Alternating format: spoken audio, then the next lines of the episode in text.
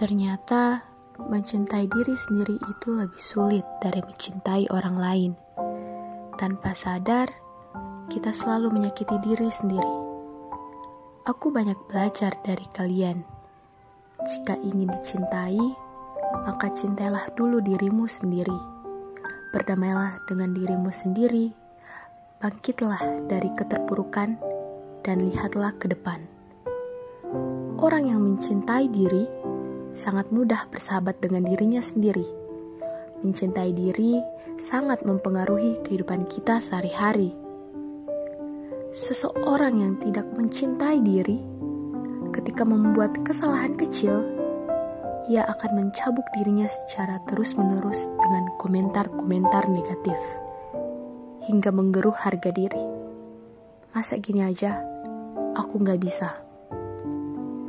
Seseorang yang tidak mencintai diri cenderung insecure, sering merasa tidak aman.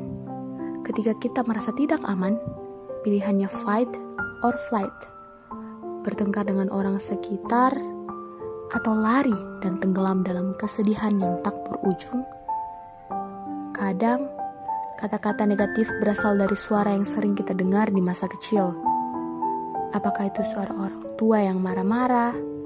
Suara kakak yang mengancam ketika bertengkar, atau suara guru yang tidak pernah puas dengan prestasi kita. Seakan kita selalu salah dan tidak akan pernah cukup untuk mereka. Untuk sekarang, bicaralah pada dirimu dan renungkan semua berdua dengannya. Mulailah tumbuhkan cinta diri, jadilah sahabat terbaik bagi diri sendiri.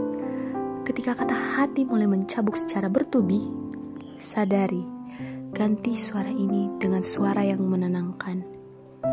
Apakah itu suara sahabat terbaikmu atau psikiater yang penuh kebijaksanaan?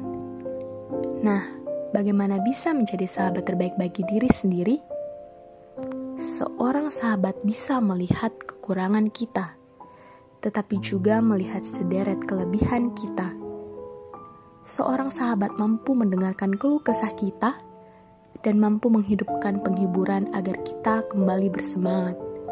Maka, hargai dan cintailah kekurangan dan kelebihan diri sendiri. Cintailah dirimu terhadap apa yang telah kamu lakukan. Dengan begitu, kamu dan dirimu akan tahu apa sebenarnya yang diinginkan. Terkadang, semua itu terjadi di luar kendalimu kalau kali ini hasilnya mengecewakan, masih ada hari esok untuk coba lagi kan? Kalau selama ini kita bisa menjadi yang terbaik buat orang lain, mengapa tidak melatih diri untuk menjadi teman terbaik bagi diri sendiri? Kejarlah dengan memperbaiki dirimu terlebih dahulu dan berusahalah untuk mencintai diri sehingga kamu mampu mengalahkan dunia. Jadi, Semangat ya! Jadikanlah kebahagiaanmu itu sebagai prioritas. Boleh memikirkan kebahagiaan orang lain, tapi utamakan dirimu.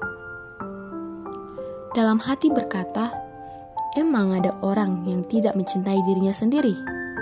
Tentunya ada.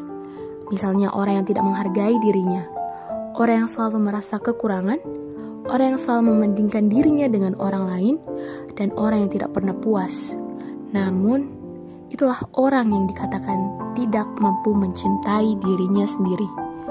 Seorang motivator pernah berkata, "Segala yang Tuhan berikan kepada dia tidak dia terima dengan baik. Dia selalu menyesal, kenapa saya tidak ditakdirkan seperti orang lain, Tuhan?" Karena dari itu, perlu kita belajar untuk mencintai diri sendiri dengan cara hargai diri kita dan tetaplah bersyukur kita perlu memberi nilai karena diri kita itu sangat berharga. Kadang, dalam diri saya berkata, apakah diri saya ini adalah pilihan? Tentunya kita ini pilihan. Dari sebelum kita dilahirkan di dunia, kamulah orang yang terpilih dari rahim ibumu. Dan kita sendirilah yang terlahir ke dunia. Dan tentunya, kamulah orang-orang pilihan. Ayat Alkitab yang menjadi sumber pegangan kita untuk lebih mencintai diri sendiri terambil dari kitab Efesus pasal 5 ayat yang ke-29. Sebab tidak pernah orang membenci tubuhnya sendiri, tetapi mengasuhnya dan merawatinya, sama seperti Kristus terhadap jemaat.